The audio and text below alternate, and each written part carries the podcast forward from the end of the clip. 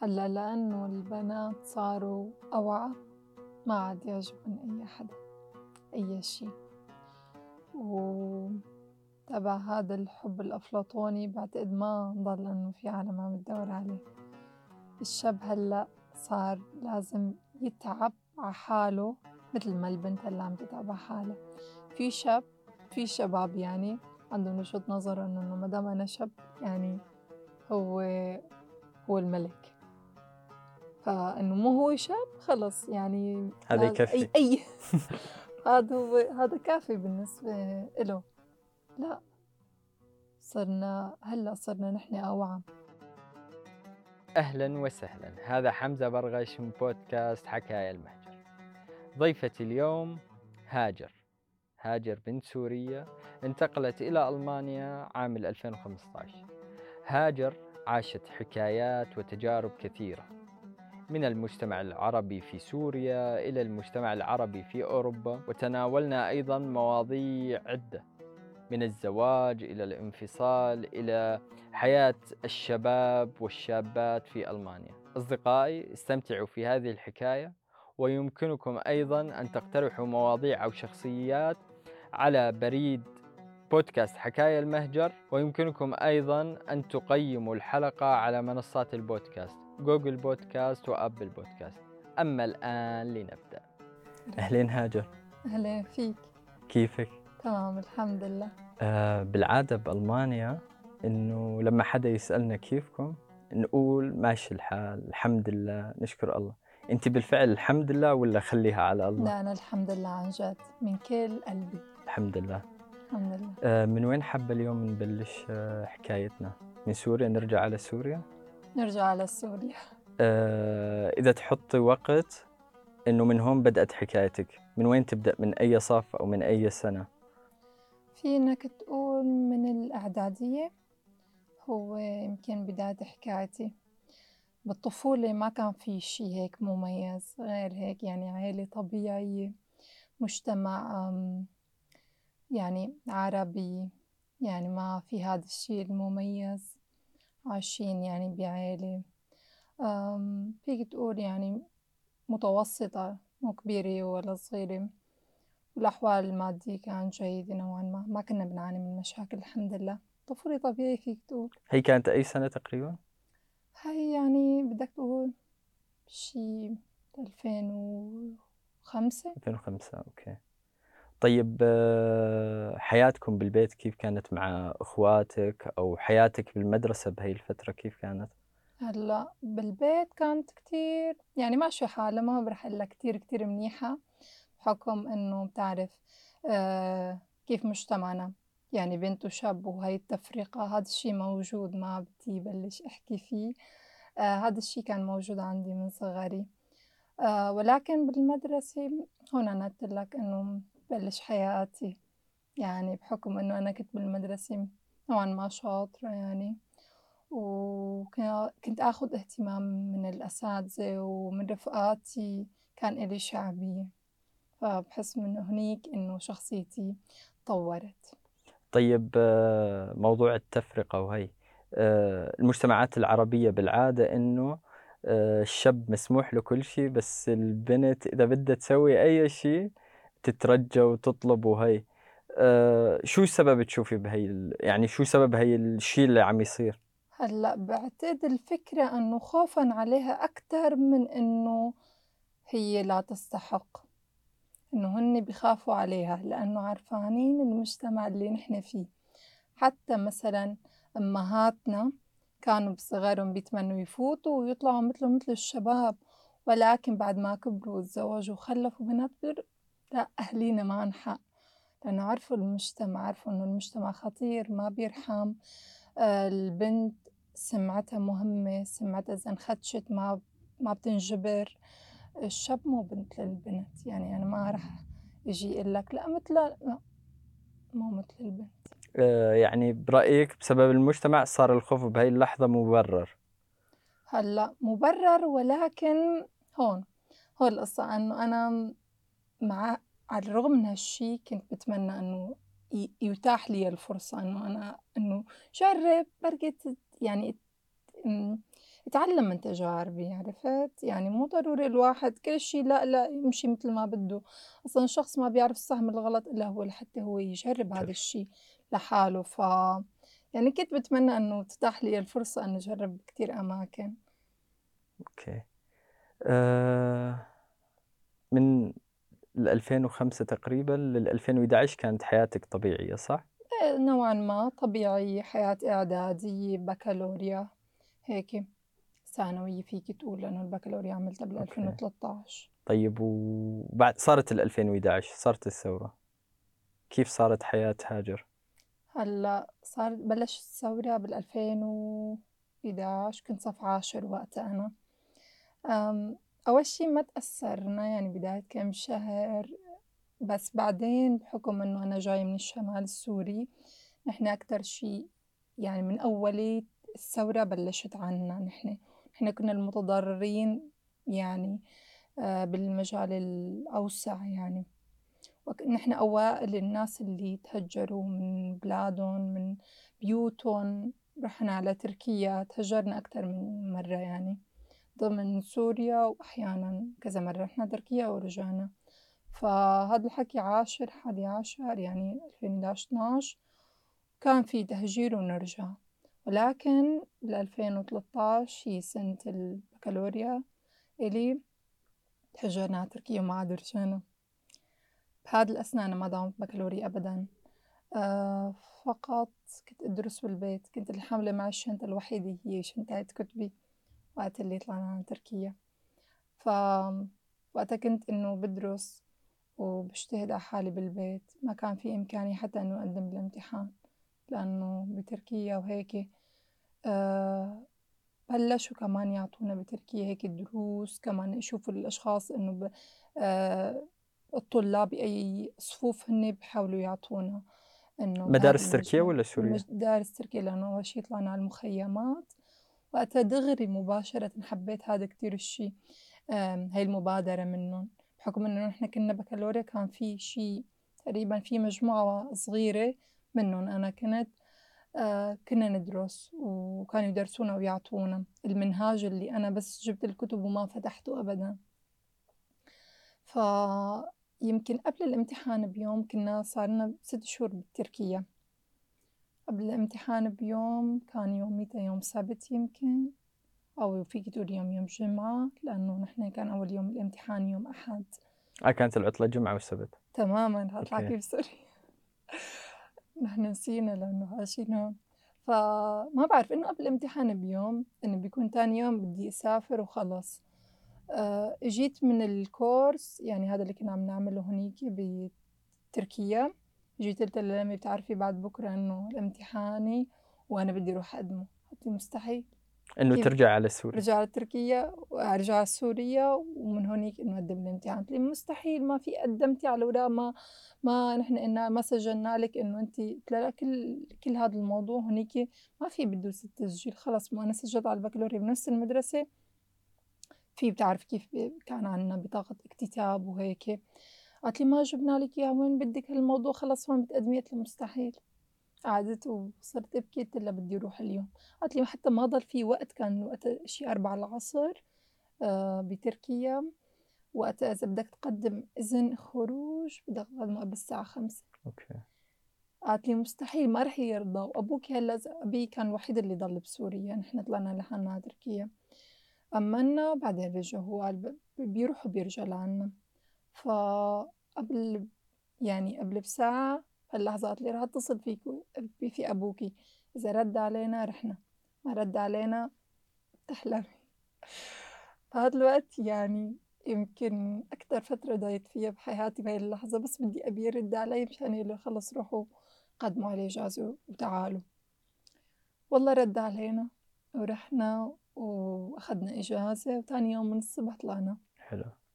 بتعرف قديش بياخد الطريق وقت طويل لبين ما توصل على سوريا، وصلت يمكن المسا تاني يوم الصبح الساعة 6 بدي فيها على الامتحان، الحمد لله لإني كنت مجتهدة كنت يعني تقريبًا حافظته حفظ ال يعني المنهاج. المنهاج. ف طيب بهي الفترة إنه التهجير، المخيمات، الدراسة، كيف كانت حياة هاجر بعيدًا شوي عن الدراسة؟ كيف كانت حياتِك؟ كيف كان شعورِك بهالفترة؟ هلأ خلال هالفترة يعني أنا من الأول كنت آآ تفكيري إنه أنا لمّن كنت أحب تركيا صراحة شوف تفكير كيف بيودّيك تفكيرك عن جد بيودّيك للمكان اللي أنت بتستحقه. ما كنت باعرف إنه السبب اللي راح يودّيني على تركيا هو الحرب، هذا اللي صار هيك بحياة الثانوية كان شوي في شوي منافسة، كنت أقول لو نطلع على تركيا أتعلم اللغة التركية هونيك أدرس فيها هونيك ساوي كانت هاي الفكرة موجودة، فلمّا صارت الثورة يعني ال إجت على رجلي التهجير وهيك بعاني الموضوع جدًا صعب ومؤلم، وكتير خسرنا عالم، كتير خسرنا ناس قرايبين وهيك، بس ما إجتني الصفحة على بعدين. صفحة شو؟ صفحة إنه موت والدي. يرحمه. ساعتها.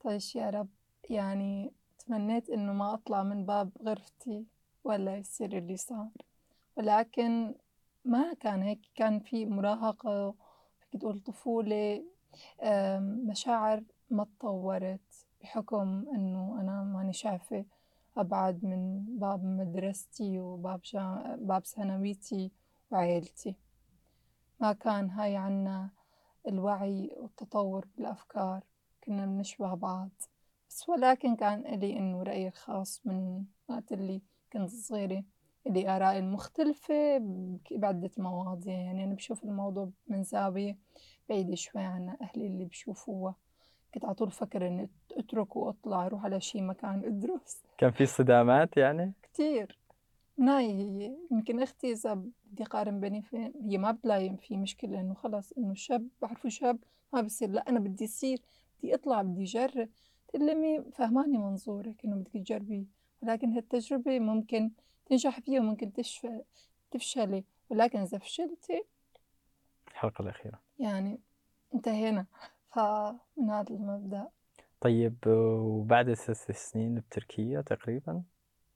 تقريبًا فيك تقول يعني 2012 13 بعد ما قدمت الامتحان بسوريا دغري رجعت ع نفس اليوم آخر يوم قدمته ورجعت طلعت على تركيا لأنه ما في في قصف ما فينا نضل، فرجعنا طلعنا أنا وأمي وأخي تركنا بابا بسوريا، فبعدين إنه بعد شهر شهرين طلعت النتايج والحمد لله كنت جايبة مجموع منيح، يعني بيخوّني يعني أدرس حقوق أدرس الأفرع اللي بدي إياها، بتعرف نحن مجتمعنا بدي سجل حقوق.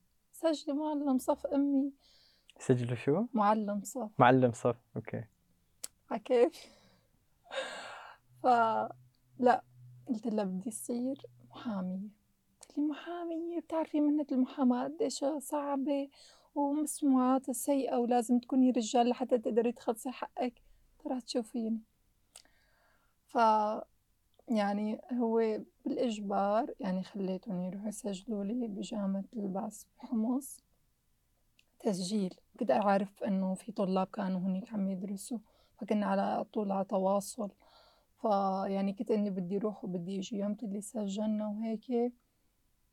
وقتها اشتدت ال يعني آآ الأحداث، صار 2014 تقريبًا؟ تقريبًا إيه، اشتد بشكل غير طبيعي، بشكل غير مسبوق، يعني إذا صرت بدي أفتح تمي بدي لها لأمي بدي أروح على يعني ما بعرف كيف أتلقى صفعة هيك بعيونها على وشي، فكان الموضوع جدًا إنه صعب. ما ما داومت، ولكن كنت على اطلاع يعني على الموضوع وكنت حبيت إنه داوم، ولكن ما في إمكانية، أكتر فترة بكيت فيها، إنه خلص بعد ما وصلت لحلمي ما قدرت ما كفّيه. تكمّلي. طيب وبعد هاي الفترة ضليتِ بتركيا، شو سويتِ ب بتركيا؟ بتركيا رجعت عدت البكالوريا لأنه ما بيعترفوا بالبكالوريا. السورية. آآ هيك لأنه هذا من 2011 ما بنعتبر. رجعت عدتها كمان جبت معدل عالي، بلشت أتعلم ال هاد كلّه أخد وقت منّك يعني تقريبًا سنة لبين ما ترجع تتعلم اللغة ال تركية. التركية، هونيك تقريبًا وصلت لمستوى فوق المتوسط.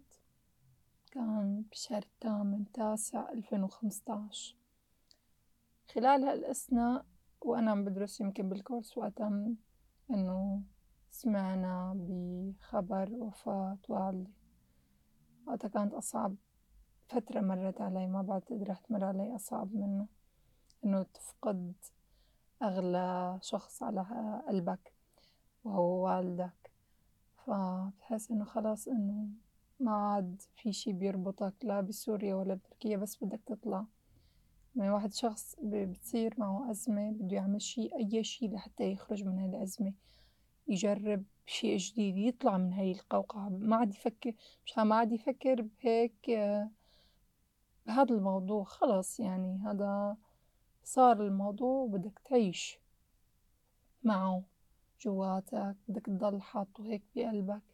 فكان الموضوع جدا صعب. ما عاد ف- تحملتي تظلي بتركيا؟ ما عاد أتحمل. لو شو ما كان بدي أطلع. إجت الفكرة بألفين لا بألفين وخمسطعش بشهر التاسع يمكن وأنا لساتني عم بعمل الكورس اللغة التركية. بشهر التاسع صارت الفكرة إنه العالم بدها تيجي على أوروبا فتحوا الأبواب وهيك. أكيد الخطة موجودة. خطة ال يعني القدوم إلى ألمانيا. من وقتها قررت إنه كان في أختي كانت متشجعة هي وزوجها وهيك. ومشان هيك طلعت يعني قنعت أهلي لحالي مستحيل. تعرف لأنه بنت يعني. لكن لو ما كنت بنت كان يمكن أنجزت أكتر فطلعت معهم اجينا لهون هني سبحان الله انفرزوا على مكان وأنا انفرزت على مكان. أوكي. ما في إنه وقتها ما بعرف ليش إنه هني عيلة وأنا لحالي يعني. فالموضوع كان هيك صعب إنه يفصلونا عن بعض.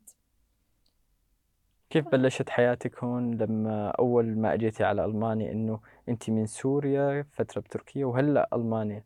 آه شو كان إحساسك الأول أول يوم بألمانيا؟ شو حسيتي؟ يمكن من أسعد آه، لحظات حياتي وقت اللي وصلت على ألمانيا. مو لأنه والله وصلت الجنة ولكن لأنه قدرت يعني آه، حقق هدف كان موجود آه، جواتي بسوريا حتى قبل الأحداث. كنت لما هيك شوف بالتلفزيون ناس جايين هيك ببعاث أو مثلا طالعين عم يدرسوا فلان درس بألمان يعني هيك كان حلم. حلم يعني شي حلو إنه تتاح إلي الفرصة أجي لهون. وكان أكيد الهدف إنه دراسة الشيء اللي ما قدرت أحققه بسوريا ولا بتركيا أكيد رح أحققه بألمانيا. يعني حقيقة حتكون واضحة بالنسبة إلي. فأجيت لهون كانت يعني ما كان في هاي الصعوبة الواو اللي بيحكوا عنها بالبداية لما تكون هلأ بأوج السعادة. يعني إنه أنا وصلت وحققت ولكن هي إنه أنت تكون لحالك بالبداية تقول أوك أوكي أنا خلصت من هاي المرحلة رح بلش مرحلة جديدة. تعرف إنه لما كنت مثلا بقفص وممنوع لازم تسأل هلأ صرت مستقل لحالك. تحمل مسؤوليتك. أول مرة إنه أتحمل مسؤولية نفسي كانت وقت اللي جيت لهون. إنه كان الموضوع طلع صعب. وقتها كنت أكيد أهلي شايلين مسؤوليتي آه، أختي اللي معي آه، ولكن لما تركت لحالي حسيت الموضوع قديش صعب. شو شو فرق؟ شو فرق؟ فرق إنه صار كل شي بدي قرره من نفسي ما أرجع لحدا. آه، مو موقف محتاج إنه قرر فيه ما ما عندي وقت لا أسأل حدا ولا كانوا أهلي بيقرروا عني. يعرفوا شو بدي؟ أختي بتقرر عني بحكم إنه هي أكبر مني أعلى مني. أنا انحطيت بموقف إنه رح قرر لحالي اختار طريقي شو بدي شو بدي ساوي بالبداية ما كان في عندي هاي الصعوبة. بعد ما طلعت لك الإقامة وبلشت كورسات اللغة أكلت وقت. الحمد لله دغري طلعت لي يعني إقامة ثلاث سنين وبعدين يعني بتذكر بمنتصف 2016 بلشت أول كورس. أنا كان بدي إياه انتنسيف كورس ولكن يا بدي أنطر شهرين زمان يا بتبلشي بالمستوى الأول. وبلشت بالمستوى الأول. و... كيف كانت تجربتك مع اللغة؟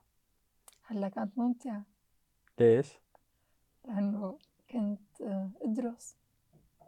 كنت مجتهدة. كان تتابع حالي. هون أغلب الناس أو الشباب أو البنات إنه دغري اللغة صعبة وما عاد بدي وإنجليزي إلا و... اللغة صعبة. الإنجليزي ما في أحلى منه. أول ما جيت على ألمانيا كان تواصلي كله باللغة يعني الإنجليزية والتركية بحكم إنه في كان عالم هونيكي أتراك. أنا استغربت الكم الهائل اللي موجود. من الجالية التركية هون. استغربت ما كنت متخيلة. ففادتني إنه إنجليزي وتركي. بعدين وقت اللي بلشت أتعلم الألماني ضليت فترة رحت اعتدت عليها ولكن بس أنا كنت أجتهد على حالي. أدرس كل يوم بيومه. يعني الحمد لله بكافة المستويات كنت الأولى. ولكن ما كان يعجبني. بحس إنه التطور جدا بطيء. مو هذا اللي كنت أطمح له كلهم كانوا يقولوا لي مثل إنه كل كل الناس بتقول لك أنت منيح مستواك جيد وأنت تقول لا مو منيح. ما كان يعني يعجبني. ما كان في طريقة تانية غير إنه أنا أدرس بالبيت أختلط مع الناس وهيك. فصرت بالأثناء دورة على الشغل. فكنت حكم بحكم إنه أنا تحت الخمسة وعشرين تعرف ال Agentur كانت على طول تبعت لي مواعيد وشو بدك تعملي بين ما تقدم امتحان وامتحان. كان في وقت فترات. تقريبا شهرين. شو بدك تعملي بهذا الوقت؟ شغل. شغل. شو اشتغلتي بهاي الفترة؟ هلأ اشتغلت يعني محلات يعني مطاعم بال KFC ماكدونالدز. هاي أول بداياتي. ما حسيتيها ثقيلة عليكي إنه لا. إنه بسوريا ما تشتغلي ببيت أهلك؟ شعور جدا رائع. أول مرة وقت اللي أطلع هلأ بسوريا اشتغلت بس ما فيك تعتبره إنه هذا الشغل مثل هون بلاد يعني أجنبية. ما بتعرف لغتها لسه مانك متمكن منها بشكل كامل. آه مجتمع ما بتعرفه. عادات وتقاليد مختلفة عنك بشكل يعني كلي. أكيد شيء يعني حسيت بالإنجاز. وقت اللي اشتغلت ونزل على الكونتو يعني المصاري قلت أول مرة بطلع مصاري راجبيني هون. فشي حلو يعني إلى شعور؟ الإنجاز شعور الإنجاز جميل. ما فينه يعني يعني يختلفوا عن الموضوع. طيب هون آه، لما دورتي شغل واشتغلتي كان في صعوبات كونك محجبة أو شيء ولا حسيتي بعنصرية من الناس من رب العمل أو شيء؟ هلأ في البداية ما كان في هذا الشي ما كنت شوفه. كل الناس كانت بستغرب إنه تسألني هذا السؤال. بجوز لأنه هن مركزين على الموضوع بشكل كبير. أو بحكم المنطقة اللي نحن يعني كنا فيها أنا دغري إجيت على أم، ما بعتقد إنه كنت لاقي في صعوبة بهذا المجال بهذا الموضوع. كتير يعني تجاربي بهذا المجال قليلة إنه ما تعرضت لعنصرية مثل غيري. ولكن بعدين يعني تخيل إنه أنت بالبداية ما تعرضت ولكن بعدين. فكرة كل ما تعيش أكتر بألمانيا كل ما بصير صعوبة الحياة إن الناس مفكرين العكس. بتصير أول شي بتكون بأوج رغبتك إنه أنت تندمج بالمجتمع تتعلم تساوي تعمل تدرس تشتغل هيك. بعدين لما تيجي مرحلة الركود بصير فيك صراع بين عاداتك وشخصيتك العربية مع العادات والشخصية الألمانية. ما فيك تقول نحن ما تقولبنا نحن تقولبنا. قولبنا بقوالب مختلفة. يعني صرت أنت شخص مع أهلك اللي بسوريا مثلا شخص مع رفقاتك اللي هون. أو أقنعوا شخصيات يعني؟ بشكل كبير. يعني أنت مضطر مشان هاد بيسموه الإندماج. مو أنت تغير حالك من جوا الإندماج هو أنت تلبس قناع وتقدر تتعامل مع هذا الموقف بحكم إنه أنت صار عندك خبرة فيه. ولكن أنت شخصيتك آه بعتقد هي اللي بتنزرع فيك وقت اللي بتكون عايش خلقان ومترعرع ببلدك طيب القولبة هي مثل سمي... مثل ما سميتيها. آه، تريح ولا بس فترة معينة وبس آه، تغيري الجماعة هذول أو الجروب هذا ترجع ترجع إلى شخصيتك الطبيعية اللي أنت مرتاحة فيها؟ هلأ القولبة ما بتوقف تضل تتغير. يعني عندي شخصية ثابتة اللي هي مع عائلتي. هي الوحيدة اللي ممكن تكون فيها على مرتاحة طبيعتك فيها. ومرتاح. وما انك بحاجة تلبس قناع جامل أو شيء لا هيك. بيعرفوك. هدول ممكن اللي يقولوا عنك أنا بعرفك. غيرهم اللي بتتعرف عليهم بمجال العمل الدراسة هدول ما بيعرفوك. هدول أنت تغيرت شخصيتك شافوك.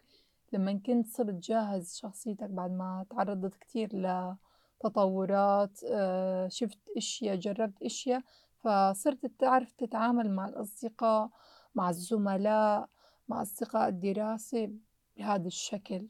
تبي تشوفي هذا الشيء صح ولا غلط؟ هلأ بعتبر هذا الشيء ذكاء. ذكاء. مو قصة صح ولا غلط.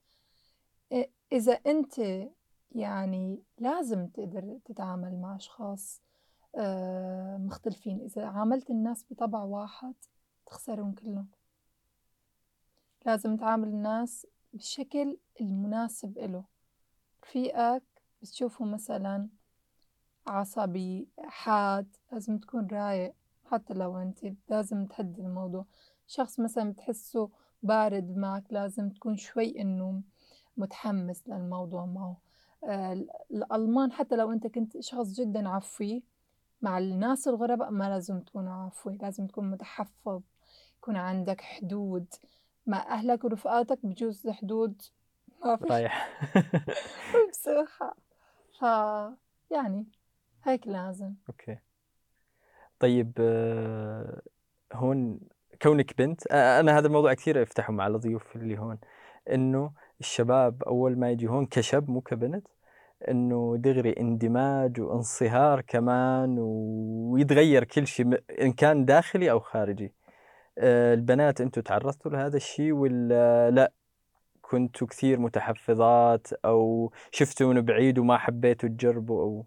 هلأ بشكر أهلي انه عرفوا يربوني.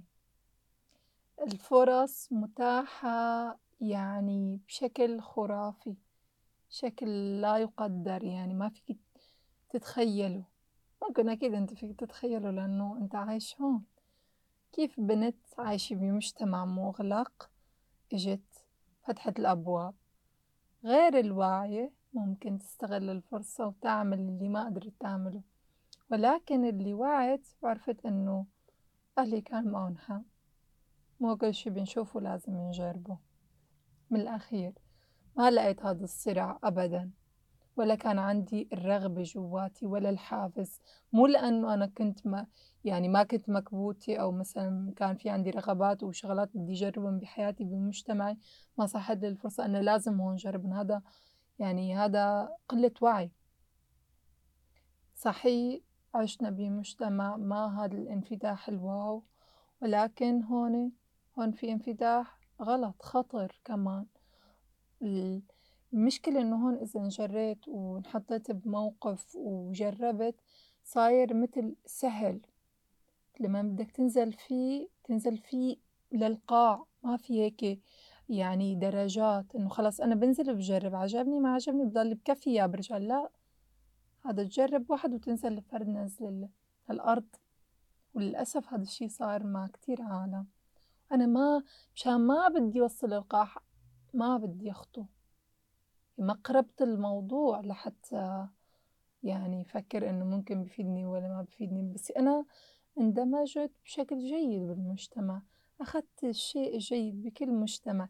احتفظت بالشيء الجيد من مجتمعي وجبت الشيء الجيد بالمجتمع الجديد وعملتهم يعني هيك ميكس بيناتهم. حسيت هذا الشيء آه كتير منيح. يعني هذا الشيء أنت تشوفي بس إنه قلة وعي أو قلة تربية لما الناس الثانية قلة وعي. قلة وعي أكثر. قلة وعي ما دخل بس التربية. ممكن أخ لي أو مثلا أقول أخت ممكن تعمل نفس الشيء. أنت عم العكس اللي أنا عملته. بجوز حتى لو عايشين بنفس البيت حسب الوعي مستوى الإدراك.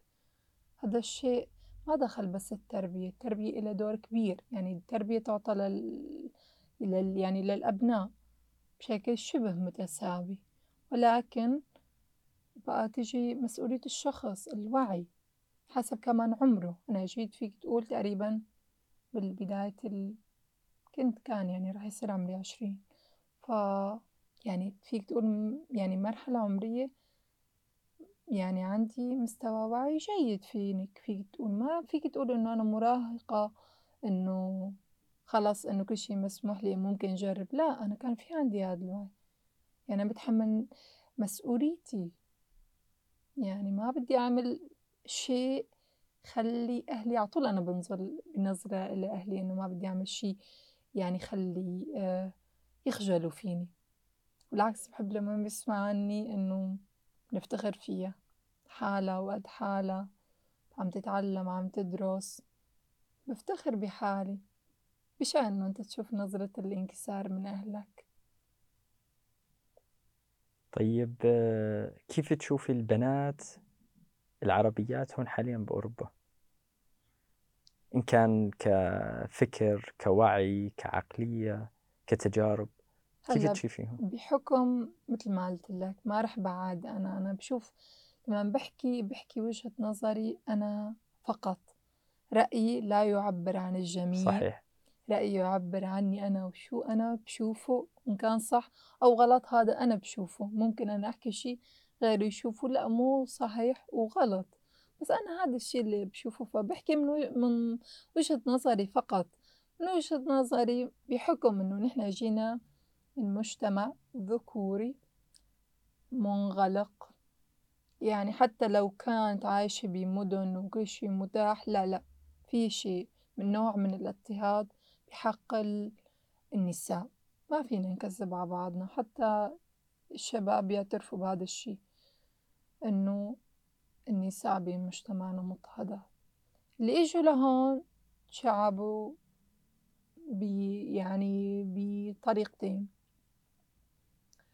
يعني الجزء الأول منّن راح بطريق إنه مو نحن انحرمنا، يلّا لنجرب كل شي انحرمنا منّه، أنا مو كنت مكسورة هلّأ أنا صرت قوية؟ و وما رح أسأل عن حدا، والتاني اللي بيجوا آه، بمجتمع عرفانين الصح من الغلط، إجوا على هاد المجتمع كانوا منغلقين وما كانوا عندن آه، هاي المقدرة لحتى يخوضوا بتجارب آه، كتير بحياتهم، إجوا لهون شافوا المجتمع خطير متل ما أنا شفته، مو أي شي فيك تجربه، وهذا الشي يعني ضد آه، إيماننا معتقداتنا ضد ديننا ما لازم نعمله، لازم نفكر بوعي، حتى أنا ضد كمان فكرة إنه إيه أنا بدي أعيش مرة بس أنا بدي أعيش مرة أنا عايشة بمجتمع.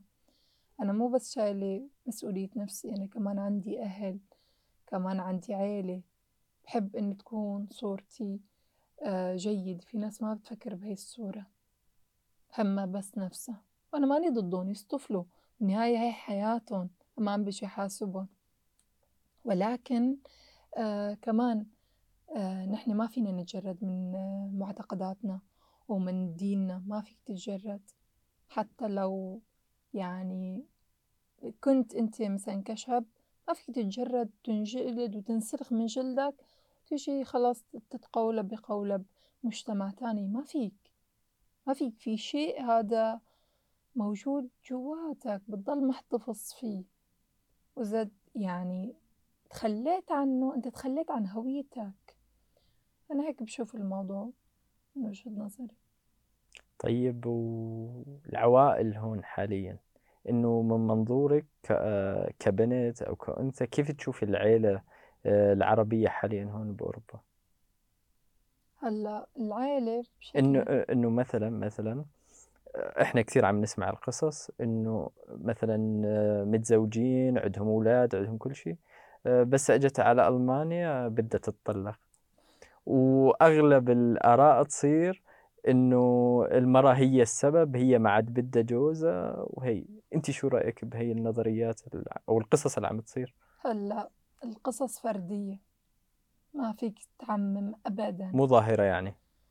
ما فيك تعمم، كل شخص آآ إله قصته، يعني أنا ضد آآ مسمى التعميم، نحن سمعنا بالآونة الأخيرة بس ولكن نحن مركزين بس على اللي آآ عم يتطلقوا، واللي عم بيصير بيناتهم خلافات، آآ ما بينشروا الخبر الجيد، فلان أنجز، فلان صار معه آآ اتطوّر بحياته، عمل، ما بيحكوا هذا الشي، يحبّوا بس ينشروا آآ الأمور السلبية، ليشوهوا صورة ال العربي والمرأة بألمانيا، أنا ما باحب هذا هذا الشي ولا باحب حتى إنه أحكي عنّه، ولكن بحُكم دراستي أكيد يعني باحس ال إنه أنا مستهدفة من ال من هذا الموضوع بحُكم إنه امرأة عربية مُحجّبة مسلمة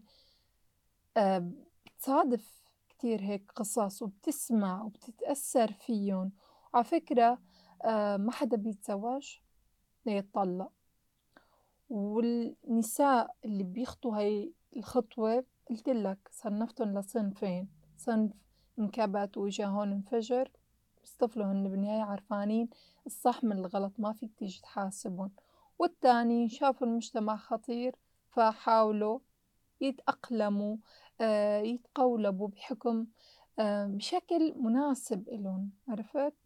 فالمجتمعات هون أو العوائل بالمجتمع الغربي عم بيعانوا صراعات. شو هي؟ صراعات بالمحافظة على الهوية العربية الإسلامية ضمن عيلتُن، آآ العوائل ما عم تفهم. الزوج والزوجة عم يفهموا إنه إنت جيت على مجتمع لازم تندمج، لأ متل الشخص المتزوج غير العزّابي هون. صدّقني واللي عنده عيلة وولد تكون مسؤوليته جدًا كبيرة، بيحاول قدر الإمكان ما بيخلّي العيلة تخرج عن سيطرته، الشاب ما بيكون متزوج بيقول معلش أنا أجرّب ما في حدا لسّه على مسؤوليتي، ولكن بتشوف العيلة منغلقة أكتر، تحاول يعني تطوّق عيلتها بشكل أكبر م من مثلًا شخص يكون لحاله بعيلته مثلًا أبوه وأهله وإنه شبابه وهيك بتشوفُن الموضوع مختلف، فالعيلة هون آآ عم تصير كتير مشاكل مشان الأطفال كمان، بتعرف يعني بالآونة الأخيرة تبع موضوع ال سحب الأطفال من أهاليٌن هي أكيد الموضوع كتير آآ مهم للعوائل. م من وجهة نظرِك آآ من شو وجهة؟ نظري 2 أول شغلة العوائل صاروا يدلّلوا ولادُن مشان ما بيروحوا على المدرسة أو على الروضة يقولوا والله نحن أهالينا ما عم بيديروا بالُن علينا، دلّلوهُن دلال ما شافوه بسوريا. الصنف التاني خايفين عليهُن هون ألمانيا ممكن آآ ولادنا لا سمح الله يلحقوا آآ يسمعوا مثلًا كلام اللي بيحكوا فيه مثلًا بالمدارس آآ الانفتاح الجنسي بيخافوا عليهم من هذا القولبة، آآ يخافوا مثلًا تبع إنه هون ما في حدود، يعني بين الجنسين ما في حدود، فبيخافوا عليهم فبصيروا يضيقوا الخناق عليهُن، فالمشاكل اللي عم بتصير ما عم يلاقي الأهل ما عم يعرفوا يلاقوا الموازنة بين هدول الأمرين للأسف الشديد يعني. قلة وعي يعني؟ قلة وعي، قلة وعي اللي عم يتاخد منُّن ولادُن هنّي السبب، أنا باقول لك إياها، وحتى. لو بعد 8 سنين إنه صار لهم 8 سنين بألمانيا إلى الآن في قلة وعي تشوفي؟ هذا الشيء بينبع قُلت لك هذا الشي م مغروس فينا، الوعي يكبر معك ويصير معك وقت اللي بتكون مرحلة الطفولة، المراهقة، هاي المراحل. هون ببلش الوعي عندك يزداد، إذا اتلقى قمع ما بيتطور وعيك، وحسب هذا الشي مختلف من شخص للتاني، يعني بعلم النفس ما في شخص متل التاني، مستوى الوعي هذا فيك تتحكم فيه وما فيك تتحكم فيه حسب كمان، ولكن هون الأهالي ما ما عم يطلبوا المساعدة، يعني هون الدولة فاتحتلُن كتير أمور إذا أنتم عم تعانوا مع ولادكن تعالوا لنا، في ناس ما بتروح بيفكروا رح ياخدوا منا ولادها، ما إنه فهمانين نحن جايين لنساعدكن مو جايين لناخد منكن ولاد، بحكم شغلي كنت أشتغل مع عوائل عربية أول شغلة يقولولي بس بدي أحكيكِ. أمانة قولي لي. ممكن ياخدوا الولاد مني؟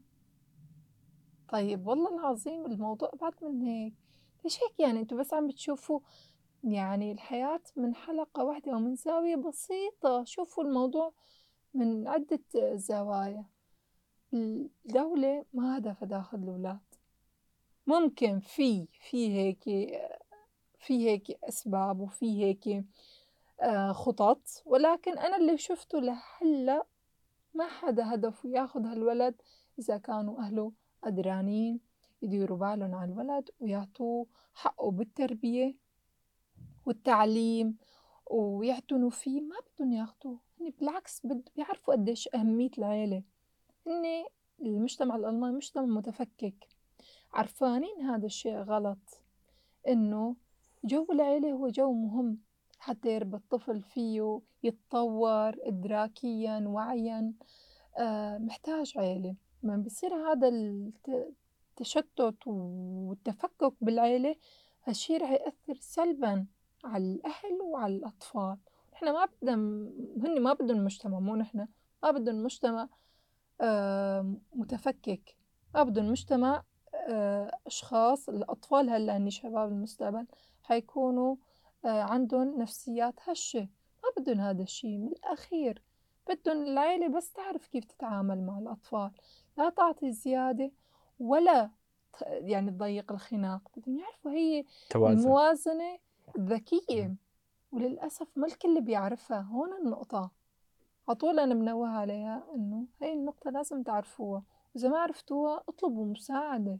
إحنا ما عنا ما عم نعرف عم نتعامل مع طفلنا من مين لازم يطلب المساعدة؟ هلأ في كتير مثلا آه، منظمات رعاية الطفل آه، أنتوا بتعرفوا إنه هون بألمانيا موجود حتى أنا هلأ بشتغل معهم في كتير المنظمات في كتير مثلا مجالات للعمل مثلا مساعدة بالتربية رعاية الأطفال واليافعين يعني حتى بيساعدوك لحتى أنت تنمي مواهب ابنك من الأخير يعني وفي كتير أمور. حتى أنا مثلا بشتغل مع رفيقتي بنفس هذا المجال.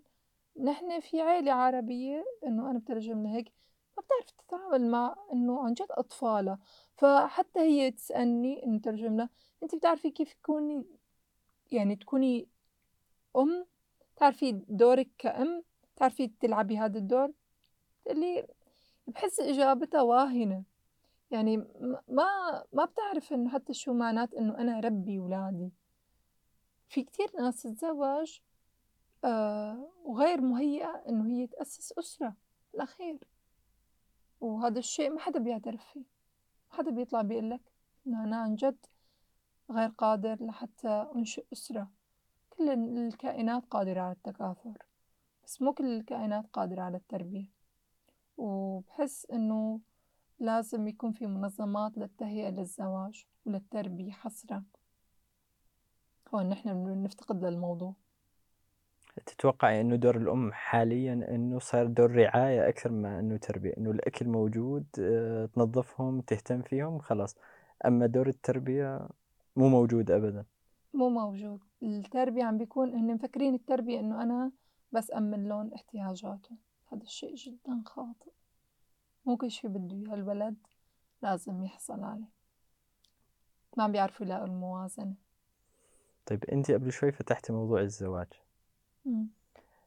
حاليًا هون آه، بأوروبا أو بألمانيا إنه الشاب لمّا بده يتزوج يدوّر، يدوّر مثلًا لقى فلانة يتقدّم بدها تدرس آه، بدها تأسس حالها بدها ما بعرف إيش فيدوّر مرة ثانية فيتكرر معه هاي القصة شو رأيك بهي المواضيع بهي القصص بهي التجارب؟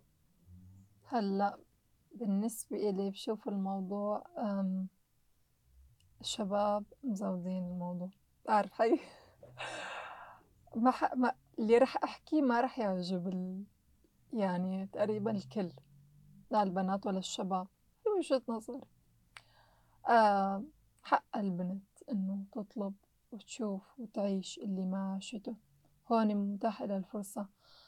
أنا بكرة نضل نحن نحارب لنوصل لحقوقنا تخيل يعني حقك. يعني طبيعي إنه الشخص يدرس يشتغل يتعلم. هذا الشيء طبيعي يعني لما نضل نحكي بالموضوع بحس إنه عن جد إنه غلط إنه ليش مثلا؟ أكيد الشباب ما بدهم يختاروا ما بدهم مثلًا أم ولادهم تكون غير واعية، والتعليم هو أساس الوعي، لازم الشخص يكون واعي لحتى يأسس، بس هن المشكلة ما بيشوفوا أبعد من هاي النقطة إنه خلص إذا بخافوا، بخافوا إنه المرأة أو البنت تطلع وتتفتح. تصير أقوى منه. تصير أقوى، الرجال من الأخير ما بيحب المرأة الأقوى منه. أبدًا، الرجال إذا شاف مرأة صار مرته إنه بالزواج خلال الزواج صارت تتطور عنه بصير خلافات، الرجال لازم هو يكون على طول الأقوى، وإذا كانت المرأة أقوى من الرجل ما بيستمر الزواج، بيخاف الزوج أو مثلًا الشاب اللي بده يتزوج لمن يتعرف على بنت إنه هي مثلًا تصير أقوى منه، هاد خوفه، لإنه هو طبيعته إنه بده يضل يحاول قدر الإمكان إنه هو يكون مسيطر، السيطرة يعني قوة، وإذا كانت المرأة أقوى راحت السيطرة من إيده، فهون المشكلة. طيب آآ لمّا الشاب مثلًا متوظّف أو يشتغل أو عنده شي ولمّا بده يرتبط البنت دائمًا تحط إنه حواجز آآ لأ ما بدي، أو أنا باشوف إنه إذا الشخص عادي آآ ما عاد يعبّي عينه مثلًا، بدها دائمًا ما أدري إيش الأسباب بس دائمًا بدها آآ يكون هو CIO يكون شي واو كثير إنه الشخص العادي ما عاد يمشي الحال، تشوفي هذا الشي صح والّا؟ هلّأ لإنه البنات صاروا أوعى ما عاد يعجبن أي حدا أي شي، وتبع هذا الحب الأفلاطوني بعتقد ما ضل إنه في عالم عم تدوّر عليه، الشاب هلّأ صار لازم يتعب ع حاله متل ما البنت هلّأ عم تتعب ع حالا، في شاب في شباب يعني عندُن وجهة نظر إنه ما دام أنا شاب يعني هو هو الملك. فإنه مو هو شاب خلص يعني هذا يكفي. أي هاد هو هذا كافي بالنسبة إله، لأ صرنا هلّأ صرنا نحن أوعى بمجتمع بخلال 10 سنين. صحيح قديش نحن مرّينا بتجارب. النساء والرجال، النساء صاروا أوعى بكتير، وخاصةً اللي إجوا لهون على ألمانيا. آآ ازداد مستوى الوعي، بس ما فيك تقول إنه هاد صار مستوى الوعي الجيد أو لأ، بس لأ ازداد. تغيّر فكرُن، تغيّرت وجهة نظرٌ للموضوع، بسوريا كان اللي ما بتتعلم أو شي حتى حتى اللي متعلمة كان هدف الزواج، شو هدفِك بالحياة؟ اتزوج، وبعدين؟ أنا ماني ضد.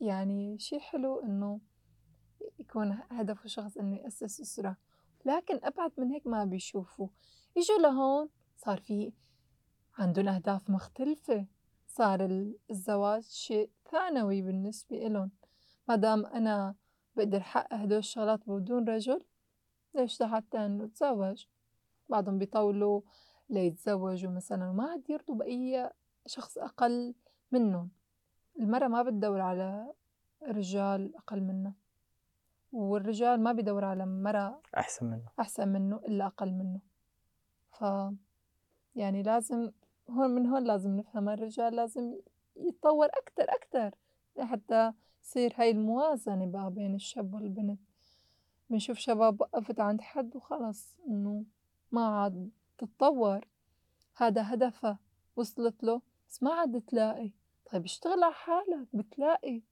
اشتغل ع حالك. لا تضل تحط إنه الحق على الناس، كان في مقولة يمكن لشي آآ يمكن شوبنهاور الجحيم هم الآخرون، أنا ما دخلني. هني السبب، وهني شافوا ناس عم بتطبّل إنه النسوان هون ما عاد يعبّي عينا شي. ييجي مزبوط معها، طيب اشتغل ع حالك. عبّي عيونهم. يعني عن جد يعني كسر عينُن فرجيّن صح. حالك، ما خلص هو وقّف عند هاي المرحلة ما عاد يقدر يتطوّر، النساء بمجتمعنا متل ما عم باقول لك إنه كان في عندُن إنه أحلام كبيرة. إنه يوصلوا لهون أُتاحت إلُن الفرصة فصاروا يطلعوا بشكل هستيري، يعني هلّأ شُفت أنا ما شاء الله بجامعتي أو شي مستوى الطالبات كتير عالي. يكاد يفوق إنه الشباب. الشباب، فهذا الشيء إنه أنا جدًا بافتخر فيه، إنه حلو. هذا الشيء ما كنت تشوفه بمجتمعنا العربي.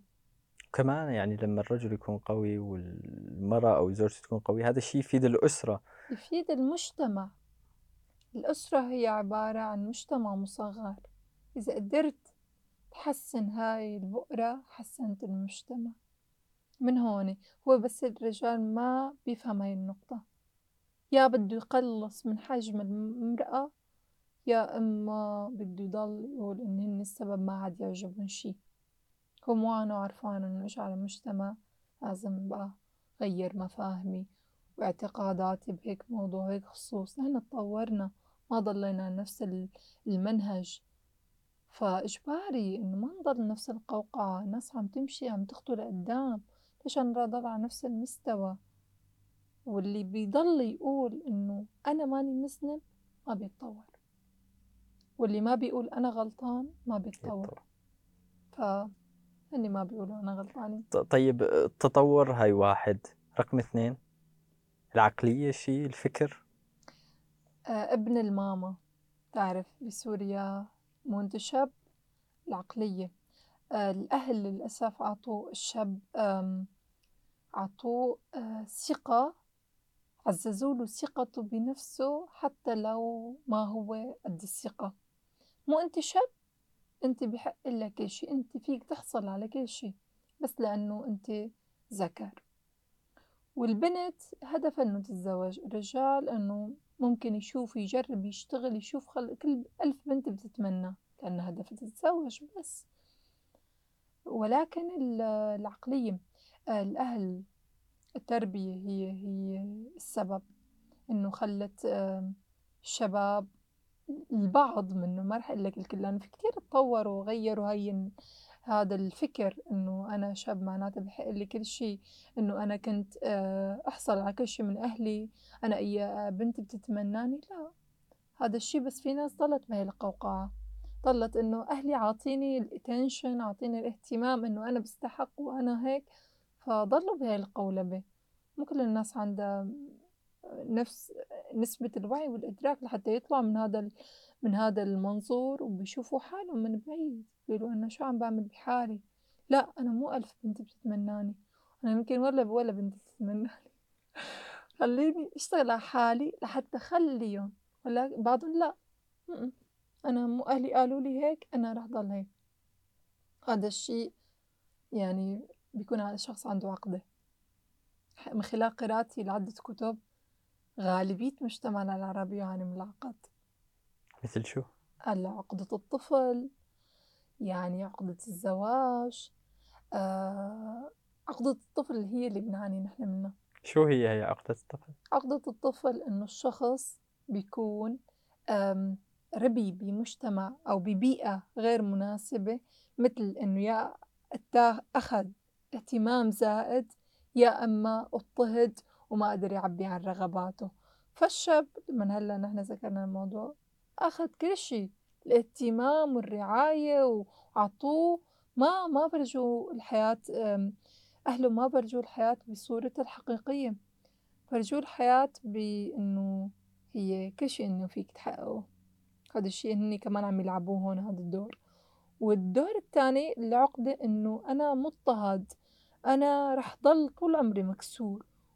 وبتشوف إنه الشباب ما مو من مو ما بيكونوا من هذا الصنف، غالب الأحيان بتكون بنات. النساء إنه هذا الصنف، إنه أنا مضطهد أنا ما بستحق، أنا رح ضل أعاني، إذا أهلي ما حبوني يعني آه، متوقعة من حدا تاني يحبني رفقاتي أو شي ما حدا رح يحبني، فهون الفكرة، لا فيك هذا تقنعه إنه لا الحياة آه، مو كل شي بدك إياه بتاخده والصنف التاني ما فيك ترجع تقنعه إنه تقول له لأ لأ أنت بتستحق أنت فيك تحصل على يعني حقك.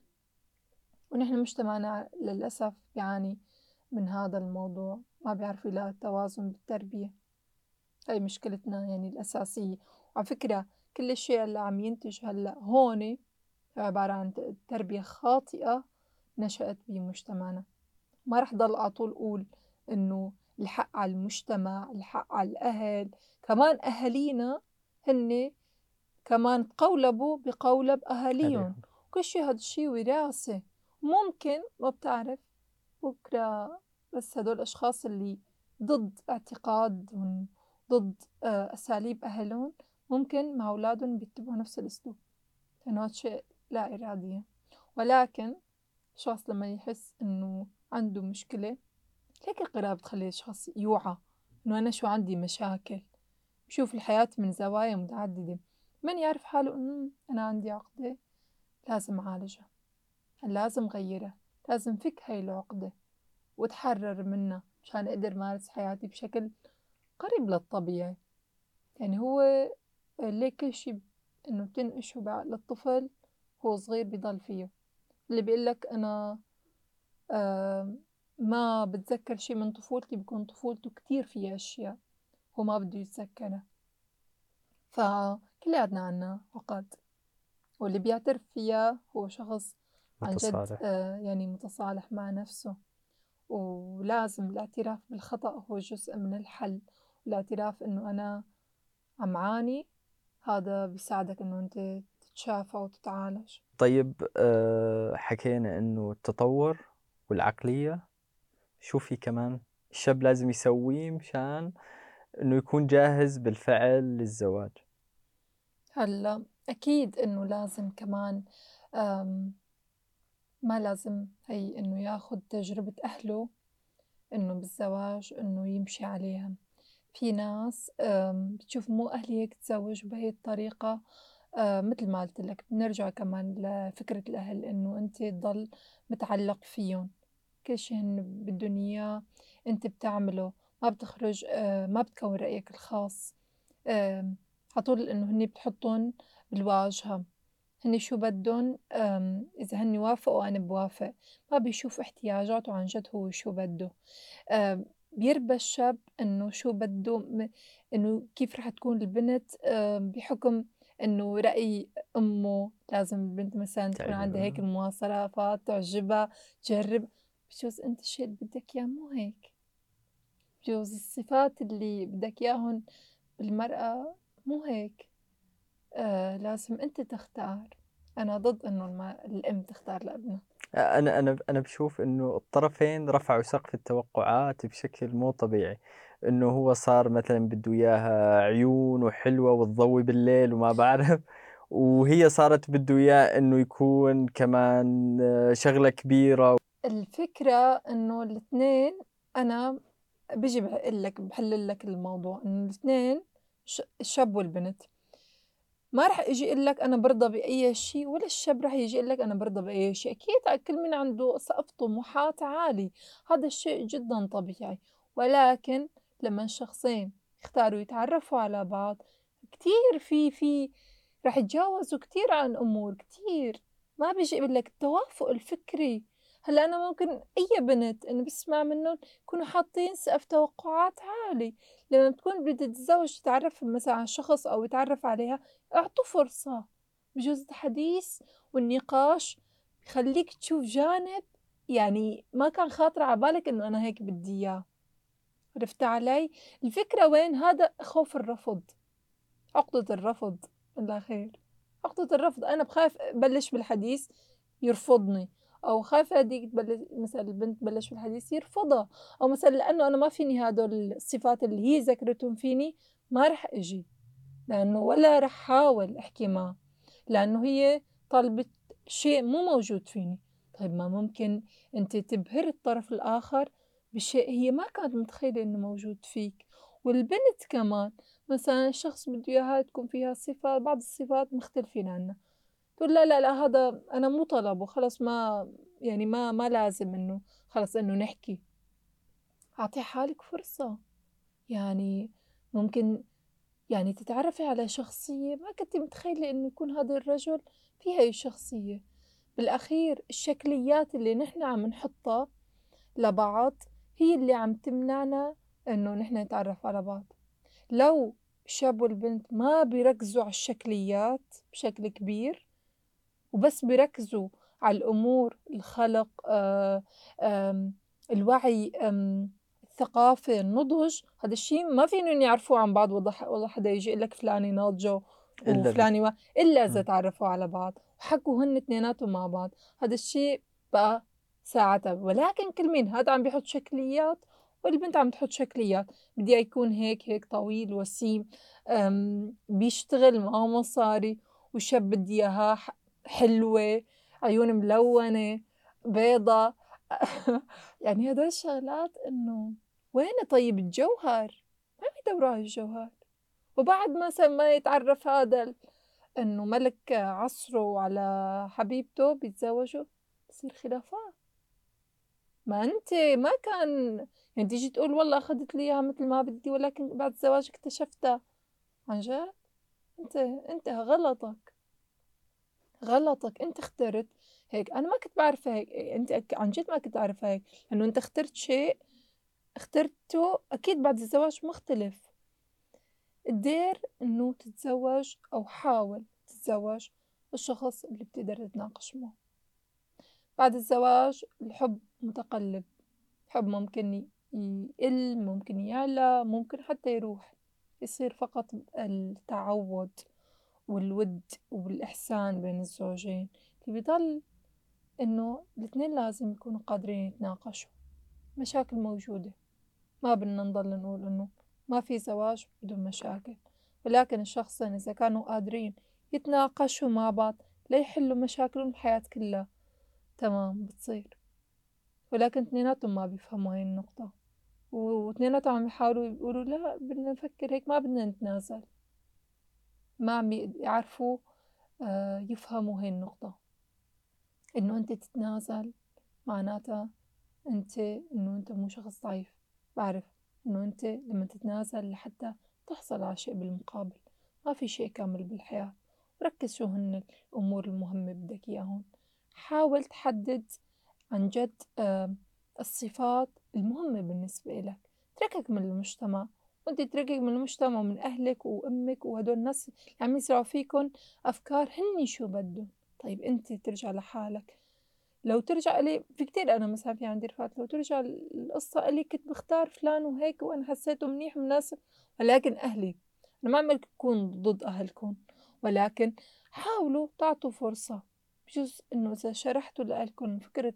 فكركن أنتم شو بدكن ممكن يغيروا رأيهم بالموضوع، عرفوا تكونوا صريحين مع نفسكن وتحاولوا عن جد تختاروا الشخص اللي أنتم بدكن إياه بحاجته، بغض النظر عن يعني آراء الأهل، المجتمع، الرفقات وهيك، لإنّن هنّي بالنهاية أنت رح تعيش مع الشخص مو أهلك ولا أمك، فأنت أنت مسؤول، ووقت تتزوج ويفشل هاد الزواج لإنه اختارت لك أمك. معك. مين مين مين رح يدفع الضريبة؟ أنتم الإثنين. الاتنين، معناتها أنتم الاتنين قرروا، عن جد قرروا، أنا ماني أنا يعني ضد إنه الشخص ياخد شخص أهله رافضينه بتاتًا، أنا ضد، لازم في يكون في قبول، لإنه المشاكل مو بس تنشأ من الاتنين، نحن ما فينا قلت لك نحن مجتمع ما فينا ننفصل عن أهله، فإجباري في في رابطة ونحن بنحاول هالرابطة ما نفكّا، ولكن كمان مو يقرروا كل شي عنا، حاولوا تحطّوا حدود، نعرف لمّا كل شخص يعرف يحط حدود بحياته بس أهله إنه هاد قراري أنا، يكون على وعي إنه أنا هيك بدي هيك بدي، يفهموا أهلك هاد الشي، تقدر تعبّر عن طلبك عن عن شو بدك إياه بصوت عالي، يفهموك، مو خلص متل ما بدكن، لأ مو متل ما بدكن، كون عن جد شخص واعي عرف شو بدك و وما بعتقد إنه شخص عرف شو بدّه رح يفشل. على سيرة الأهل، إنه بعض الأحيان الطرفين متوافقين بدهم بعض كفكر، عقل، أي شي، بس لمّا ييجي الموضوع على الأهل يعسروا الموضوع بالمهر،. بالطلبات، بال بال بال. شو رأيِك؟ بعتقد في، ما عم أقول لك الكل، في، هي نسبة قليلة، ما بدي أحكي ومشان أعمم وضل نحكي بهذا الموضوع، في ناس ممكن بين 10 عوائل بتروح على عيلة أو عيلتين ممكن هيك يطلبوا. طلبات تجهيزية، بس الباقي صدّقني بدّن سترة كمان، بدهم يشتروا رجال مو الكل هيك. نحن المشكلة عم نحط النقاط على الحروف على الأشخاص اللي خارج عن الطبيعة. هذا الشيء اللي عم نسمع فيه هو مو فيك تقول مو هو السائد أو هو ال... هلا هو مثل كأنه خبر ترند. صاير وسمعنا فلان وعلان بين 100 عيلة ثلاث أربع عوائل هيك عم بيحكوا فصاروا كلهم اللي بدهم يزوجوا أولادهم وبناتهم هن السبب عم بيحطوا مهور تعجيزية. هي الفكرة ولكن مو الكل. في أشخاص أنا بفهم بفهمهم بس ما فيك تجادلهم وما فيك تعالجهم. صح. للأسف يعني. طيب آه، يعني على نفس الموضوع على حسب كمان شغلك في عوائل سورية تنفصل هون. والرجل يعيش لحال والأم تعيش لحال. آه، عم تشوفي ظواهر كيف إنه المرأة عم تمشي حياتها هون. آه، كيف تشوف الوضع بشكل عام؟ للأسف يمكن أكثر شغلة كنت أسمعها بالآونة الأخيرة لو أنتم بسوريا ما بتعملوا هيك. وشيء مؤسف جدا جدا. نرجع لنقطة إنه عشنا بمجتمع مضطهد. أنا ما بحط الحق على المرأة بحط الحق على المجتمع واللي هو بيكون الأول والأخير هو الذكر اللي خلى المرأة إنه عن جد ما ما تقدر تاخذ حقوقها. بسوريا كانت المرأة الموت ولا الطلاق؟ الموت؟ الموت ولا الطلاق؟ آه الموت ولا الطلاق. مين بده يصرف عليكي ترجع لعند أهلك. هاي الفكرة مين يصرف عليكي مين بيقولوا لها ما مثلا ما بيصير إنه يصير خلافات هذا شيء طبيعي يصير خلافات بين الشاب وبين رجل وزوجته. في شيء هو شيء طبيعي. أصلا لو ما الخلافات ما بتتطور العلاقة. بس يصير خلافات صرت أنا أفهم عليه أكتر هو يفهم علي أكتر هو هيك بده هيك هي بدها. شيء طبيعي يصير خلافات. ولكن ننضج من وراء الخلافات. مو خلاص يصير في شقاق وتباعد. هون هيك. بسوريا ما كانوا يفهمونا هاي الفكرة إنه طبيعي تصير خلافات مشان تتطوروا مشان توعوا أكتر مشان آه، تضلوا حافظين على هاي الرابطة الأسرة الأسرة أه تحافظوا على أولادكم. هنيك لا خوفا من شيء وليس حبا بتكوين الأسرة. خوفا من إنه تتسمى إنه مطلقة مين بده يصرف عليكي؟ بجوز تكون أهلها متوفيين. فكان في خوف من شيء. ليس حبا بشيء. هون ما في عندها خوف. راتب راتب ولاد. وبيت. وبيت. اشتد ظهرها ما ضل في حدا شي يكسر ظهرها أنا ما بزعل إنه هون المرأة قوية. ما في شي بيكسر ظهرها ولكن أكيد هي ما بدها والله تطلع مشان يعني خلص إنه أنا ما, ما تاحت لي الفرصة بسوريا هون بدي شي ساوية. لا صدقني ما حدا بيتزوج ليطلق إلا بيكون في أسباب كتيرة قلت لك قصص الخلاف وطلاقهم فردية. عيلة مثلا بتكون المرأة مضطهدة من زوجها كانت ناطرة بس فرصة حتى تتخلى عنه. لو بس يمتلئ فراغ إنه التمويل تتركه. هون امتلأ هذا الفراغ. في ناس خلاف بينه بيناتهم إنه مثلا أهلينا رافضين الفكرة. طلعوا من أهاليهم تركوا. إنه المرأة خلص أنا الشخص ما عاد بدي إياه تركت. كل هدول الأسباب إنه مين بده يدير باله على على الأولاد آه، مين بده يدير باله على العيلة هذا الشيء هون هون في في مصروف في بيت في مأوى آه، المرأة فينا تقوم بكل هدول الأمور. ولكن آه، أنا بحط لك الحق إنه على المجتمع خلى المرأة إنه تضل ببيت زوجها حتى لو صار خلافات خوفا من شيء ما. وليس حبا إنه لازم نرجعكم على بعض لأنه إنه العيلة ما ما ما وعوا على أهمية العيلة. حتى الخلافات ممكن تصير وممكن ينحلوا. ممكن الخلافات بتصير ولازم يتركوا. ولكن نحن كان عنا هذا الموضوع جدا خاطئ. وهون اللي عم بيصير إنه العوائل ما عم يفهموا هاي النقطة. في بعضهم آه، بتقول أنا قلبي متعبي من زمان. ما عاد اتحمل ولا ولا يعني سبب. خلص إنه هذا الشخص أنا ما عاد بدي إياه هيك. والشاب تشوفوا كمان هون ما بحط الحق على المرأة. ولا يعني هلأ كمان اثنين ممكن يتحملوا آه الأسباب. إنه الشاب كمان هون شو عم بيشوف كتير. عم بيشوف كتير يعني ما مضطهد. يعني ما العلاقة تب- تبادلية بسوريا وهون لأ. هون كمان هو عم بيشوف كتير. هون كمان عم بي بيجوز صار يضيق الخناق أكتر لأنه صار يشوف برا. بقول إذا مرتي طلعت إذا مرتي فاتت أو هيك فبيصير يضيق الخناق.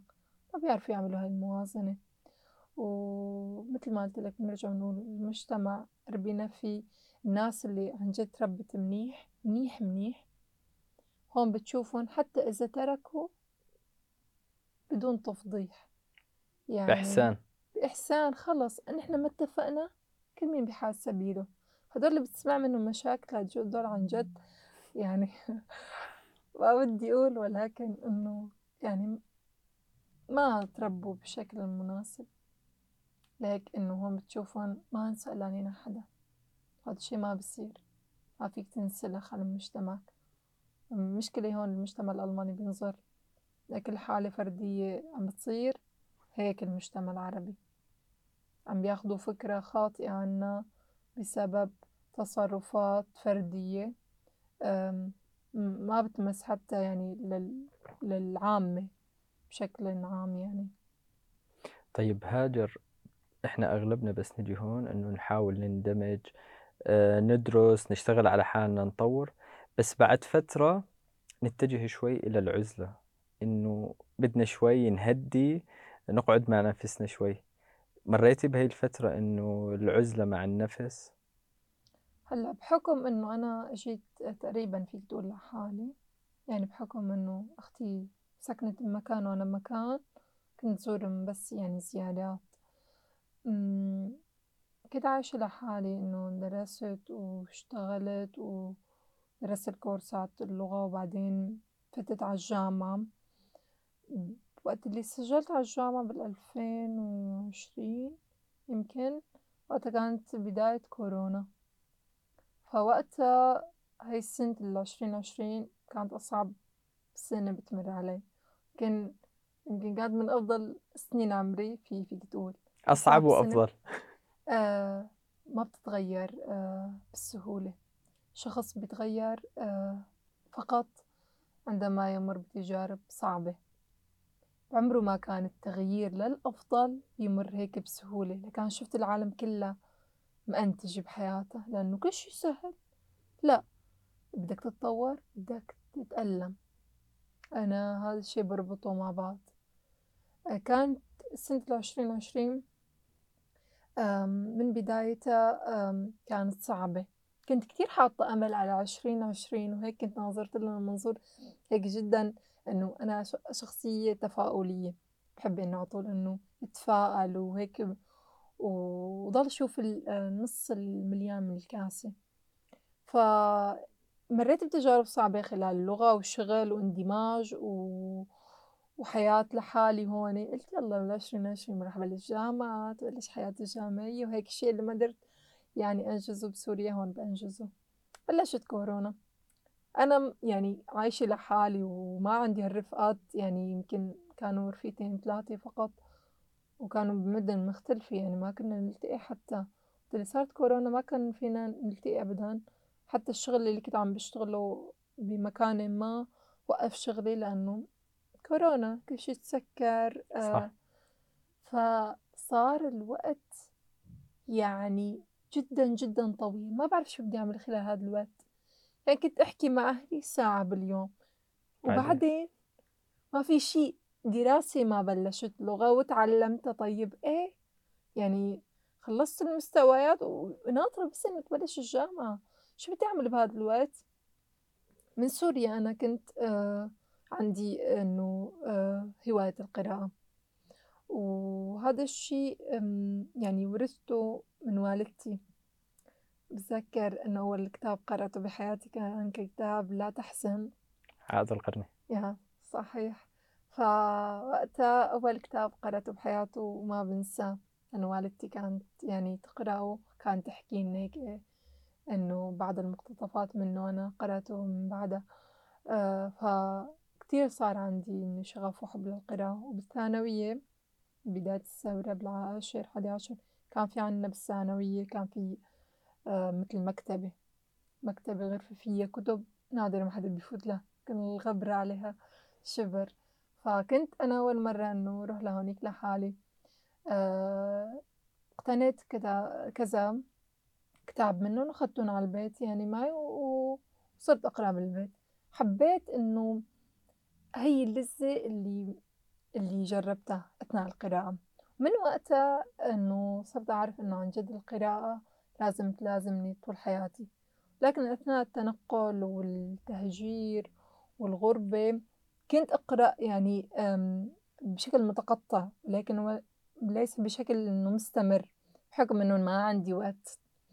آه، وحتى كمان ما في تشجيع. بالعشرين عشرين رجعت آه، يعني مثل تغيير جذري حصل بحياتي. عندي وقت طويل.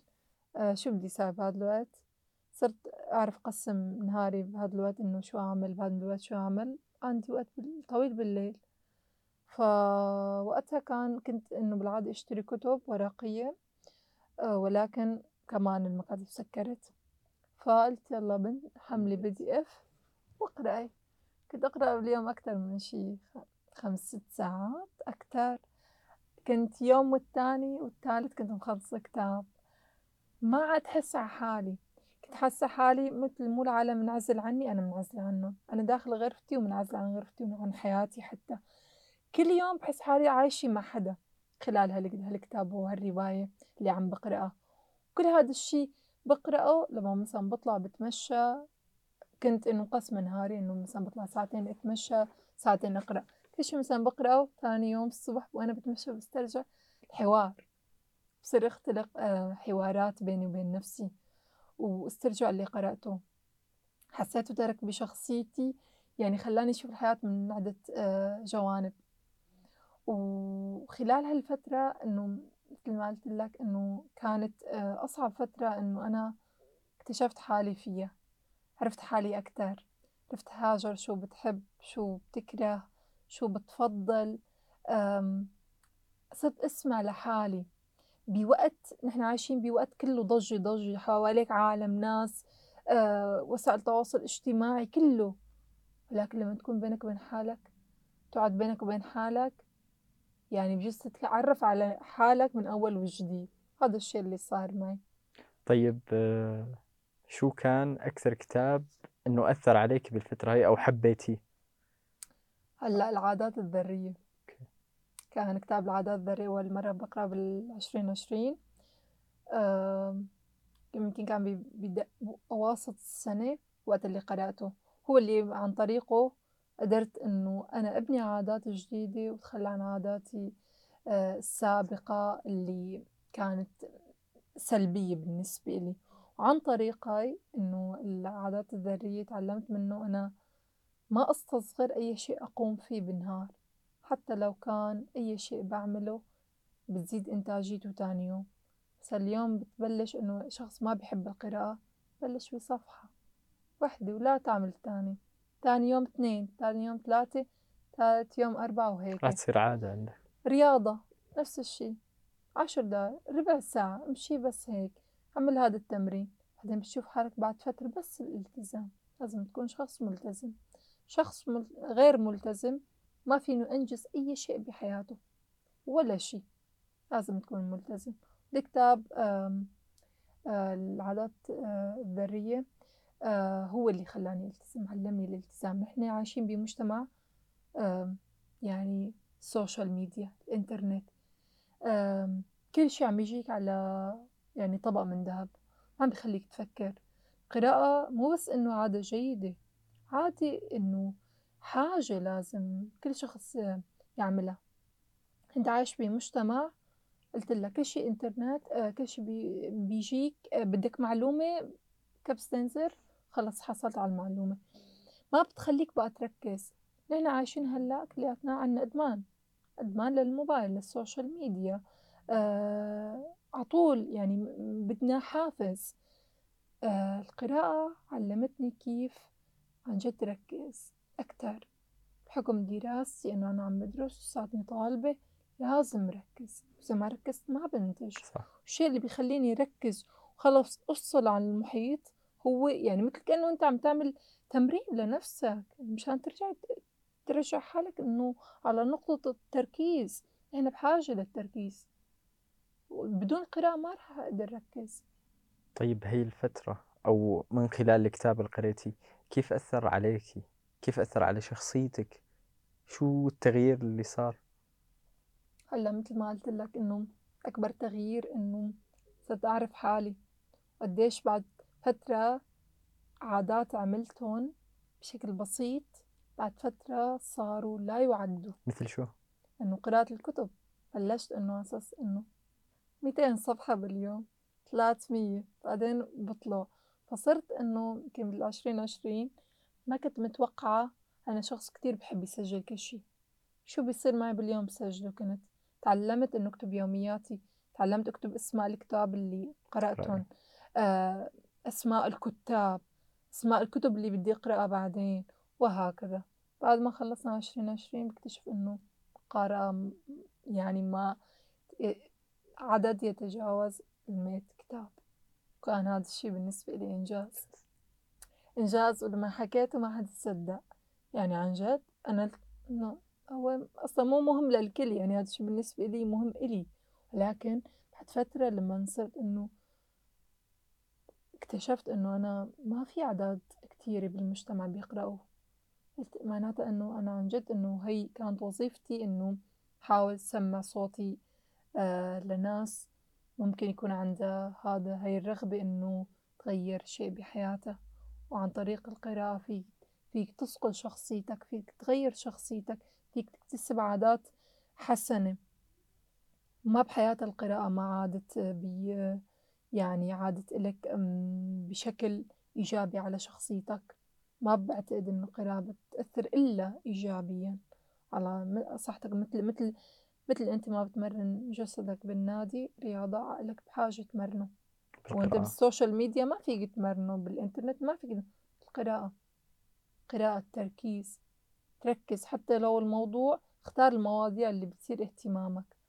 فبعتقد إنه قراءة يمكن كانت أفضل شيء إنه آه قدرت نمي آه بالفترة. بالفترة الأخيرة من خلال كتاب هو عرفني على أهمية الشيء اللي عم بعمله. كم كتاب عندك حاليا؟ تقريبا 120 120 أوكي طيب آه، مبسوطة أنت بألمانيا؟ بعد ثمان سنوات؟ هلأ أول ما جينا كانت آه، قلت لك نسبة الرضا والفرح مرتفعة بعد فترة تعويد الدراسة اللغة كل شيء تقول الأهداف اللي أنا حاططها وصلت لها إيه وبعدين؟ اللي بيجي بعدين ما عم بعرف شو هو. تقول أنا وصلت للأهداف. لازم أنا كنت معناتها حاطط أهداف أكتر من هيك حتى أوصل لها. ولكن اكتشفت إنه بالآونة الأخيرة إنه عن جد بعدين حياة هون. ما بتخيل حالي أعيش بمجتمع آه غير اجتماعي. بالبداية كل شخص بيجي على مكان حدد إنه شو بدي ياخد منه شو بدي استفاد من هذا المكان اللي هون. جيت لهون إنه مثل قلت لك إنه دراسة ولغة كسبناهم. إيه وبعدين؟ نرجع على حالنا بنرجع على طبيعتنا. إنه أنت عن جد شو بدك؟ بدك تعيش آه، بمجتمع تشتغل فيه آه، تحسه ما بيشبهك؟ أكيد لا. أكيد لا. وعلى فكرة نحن آه، كائنات خلقنا اجتماعيين نبحث على من يشابهنا. ما بكفي إنه أنت تعيش مو بس بالشكل أو أي شيء كمان بالمعتقدات وبالأسلوب وبالدين. أه حسيت حالي إنه مو هذا المجتمع اللي أنا بتوقع حالي أعيش بقية حياتي. خلص إنه كانت ألمانيا مثل كأنه دولة حاضنة. حاضنة لخلال فترة. أنجز فيها تعمل فيها خططك. دراسة شغل أوكي. بعدين وين بدي أستقر؟ هل هلأ بمرحلة ال... إنه عم بجمع الأهداف عم حقق طموحاتي. حققنا ولكن أنا بقى بدي أستقر. استقرار. أشتغل بدي خلص بدي أستقر. هون مو بلد الاستقرار. وين تشوفي بلد الاستقرار؟ هون الفكرة إنه أكيد يمكن مثلي مثل بقية الناس كانوا يشوفوا إنه آه أكيد الخليج. ترى في ناس كثير تفكر إنه نفس الفكرة إنه ألمانيا مو استقرار أخذنا اللي بدنا اياه الدراسه الشغل الجنسية وخلص بده يطلع. فالأغلب إنه محتار مثل ما حكيت الخليج أو شي دولة إسلامية أو انت وين تشوفي؟ هلأ أنا بالنسبة إلي كهاجر بحكي عن رأيي فقط. أنا إنسانة تعشق الحرف والكلمة. كلمة كتير بتأثر, فيني وتترك فيني أثر جدا عميق. دولة تحكي آه غير اللغة اللي أنا بحكي فيها حتى لو أنا هلأ آه يعني ألمانيتي ممتازة بحكم دراستي وشغلي. ما بحس إنه هي هي اللغة اللي بتقدر تعبر عني. مو بحكم إنه أنا بقرأ وبكتب لما بدي أجي أقرأ وأكتب بالألماني ما بحس هالشي عم يطلع مني من هاجر ما بيعبر عني. وكل شخص بدور عن الشيء اللي بيشبهه يعبر عنه. واللغة الألمانية ما بتعبر عني. أكيد ما رح لما رح أختار ما رح أختار دولة بتحكي هاي اللغة. ممكن دولة تحكي آه إنجليش ما عندي مشكلة. إنجليزي بتوصل إحساسي. أما الألماني. ألماني لا. العربي أوكي لأنه كله مختار بالنهاية عربي. ولكن يعني بس مو ألماني. ما بدي دولة اللغة ما بتترك فيني تأثير. حتى لما بدي أحكي عن أي موضوع بحس إنه ما قدرت أوصل فكرتي مثل أنا عن جد ما بدي. حتى لو ترجمت الحكي اللي بدي أقوله حرفيا بيطلع ركيك. ركيك. مو هو مو هذا اللي أنا قصدته لما تعيش أنت بح... بمجتمع بدك تضل تحاول تعبر بشكل صحيح عن فكرتك مرهق مرهق جدا بالنهاية أنا بدي أعيش بمجتمع عن جد أقدر أشوف حالي فيه وأرتاح فيه بالأخير يعني. طيب آه على سيرة اللغة مرة ثانية آه قراءاتك بس بالعربي ولا كمان بالألماني؟ فيك تقول عشرة لخمسطعش بالمية ألماني والباقي عربي. أنا شفت صفحتك على الإنستغرام كلها قراءة واهتمام بالقراءة وبالكتب وبالعادات هي جربتي الكتابة ولا أنت بس قراءة؟ هلأ أنا موضوع الكتابة بلشت فيه كمان بالعشرين عشرين بوقت كورونا. كل شي فيك تقول إنه عن جد جربته. عرفت؟ يعني حتى كتبت فيه وقتها. ولهلا بكتب فيه. بحسه ما رب يخلص. مثل هو عبارة إنه عن خواطر وكمان يعني هو مشروع رواية كان وما زال. ولكن أم أم يعني أكيد ما صحت لي لسه الفرصة إنه ما حسيت حالي كتابتي ناضجة بما فيه الكفاية لحتى أنشر. بس أكيد آه ما في كاتب بدون ما يكون قارئ وفينه أي شخص إنه يكون آه، قارئ بدون ما يكون كاتب, كاتب. بس ما في إنه يكون شخص كاتب بدون ما يكون قارئ. طيب آه، أنت كهاجر وفي كثير آه، بنات ونساء بأوروبا يشبهوكي تحسي إنه المرأة هون تقدر تكمل حياتها بدون رجل وتعتمد على حالها ولا لا؟ بدها طرف ثاني يسندها ويكون معه. هلأ أنا ما فيني أقول إني مع الفكرة أو لأ. المرأة هون إجت تغيرت كتير إنه طباعها بحكي عني أنا وشو رأيي بالموضوع. ما بعتقد إنه في امرأة فينا تعيش بدون رجل ولا في رجل فينا يعيش بدون امرأة. هذا الشيء من الأخير. آه المرأة مهما كانت قوية هون حاجة رجل وشخص يسندها بحياتها والرجل كذلك الأمر مهما كان قوي هيك محتاج امرأة تكون توقف جنبه. والزواج هو مو لأنه أنا لحتى أحقق غاية أنا بدي أحصل عليها هون أنا عندي كل شي لحد عندي إياه محققته معناته ما بدي الطرف الآخر. لا مو هيك القصة.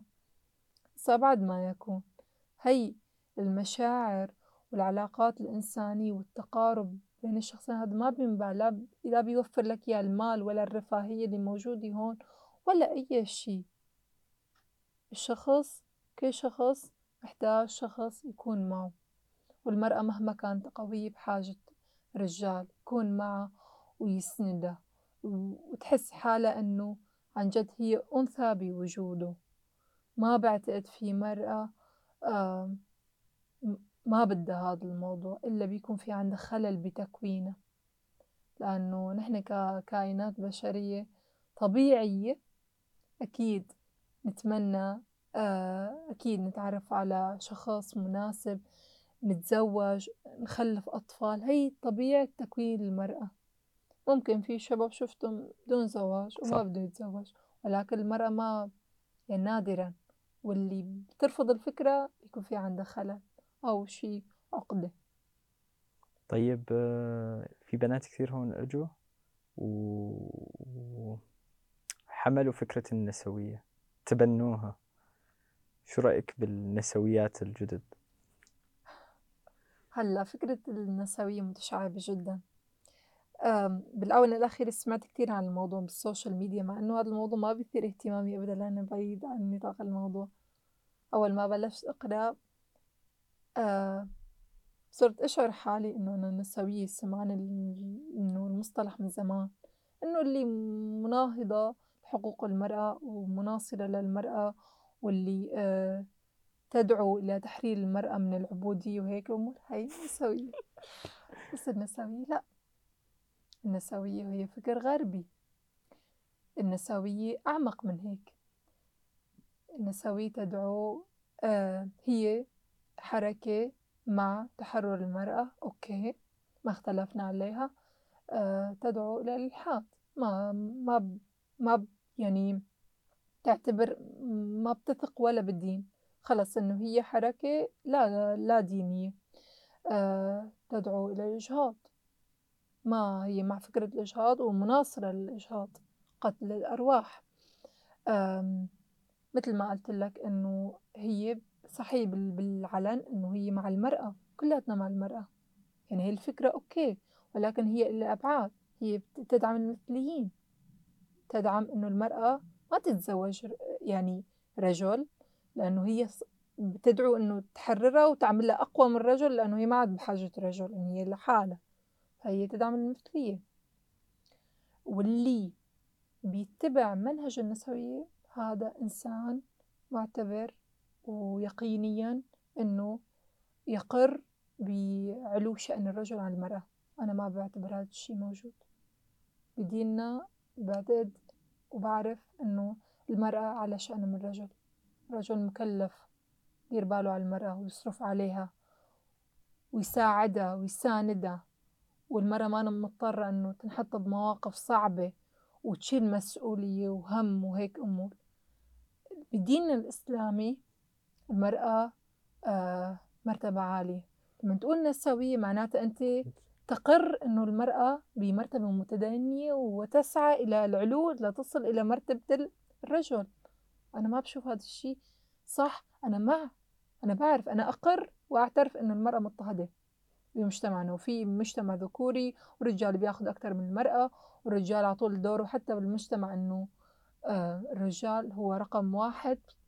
ببعض المجتمعات مو بالكل طبعا. ولكن يلي بيقول لك اللي بيكون مع النسوية هو شخص يقر بضعف المرأة ودنوق شأنها ويسعى لإيصالها لمرتبة الرجل والمساواة معها. ولكن أنا قلت لك بشوف الموضوع من وجهة نظري لا المرأة الأصل فوق. أعلى ومقدرة وعندها مرتبة عالية وسامية.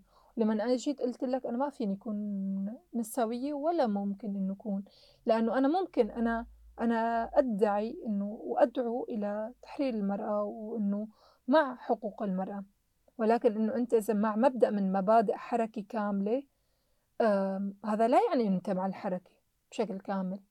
فيك أنت تتبع إحدى مبادئ حركة ما و... وما بتكون أنت مع الحركة. مو ضروري أنت يا أما تتبع هي الباكيت كلها. شو شو بد شو بدهم هاي الحركة النسوية يا أما أنت مانك معه صح. وأنا ماني معه ماني ضد المرأة بس أنا مع المرأة أنا بدعمها. بس ضد المسؤولية حسيتي أنجزتي بحياتك؟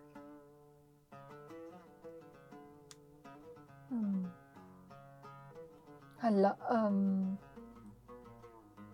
انجزت ولا ما انجزت؟ بشوف الموضوع إنه ما بدي أحكي هلأ بدي أحكي عن رأيي أنا آه الناس بتشوف إني أنجزت.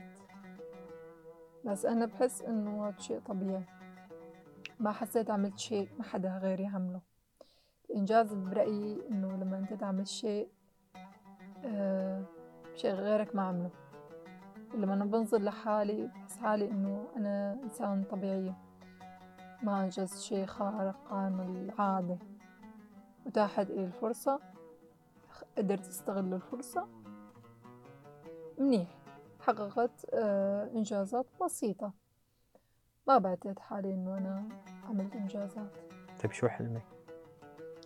ما هلأ أنا ضد مسمى الحلم. بعتقد إنه أم، شو هدفك؟ هدف هدفك؟ هدفك. شو هدفك بالحياة؟ آه إنه تكون شخص أو النسخة الأفضل مني. ما عندي أحلام كبيرة. عندي بس إنه كل يوم أكون أفضل من اليوم اللي قبله وما ضل وقف عند آه مرحلة معينة. عطول كل ما بكبر بالعمر لازم أتطور أكون أفضل من اليوم اللي قبله.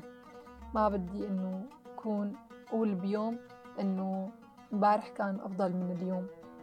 وضل أشتغل على نفسي وحقق يعني حقق آه، أهداف آه، كبيرة بحياتي شكرا هاجر.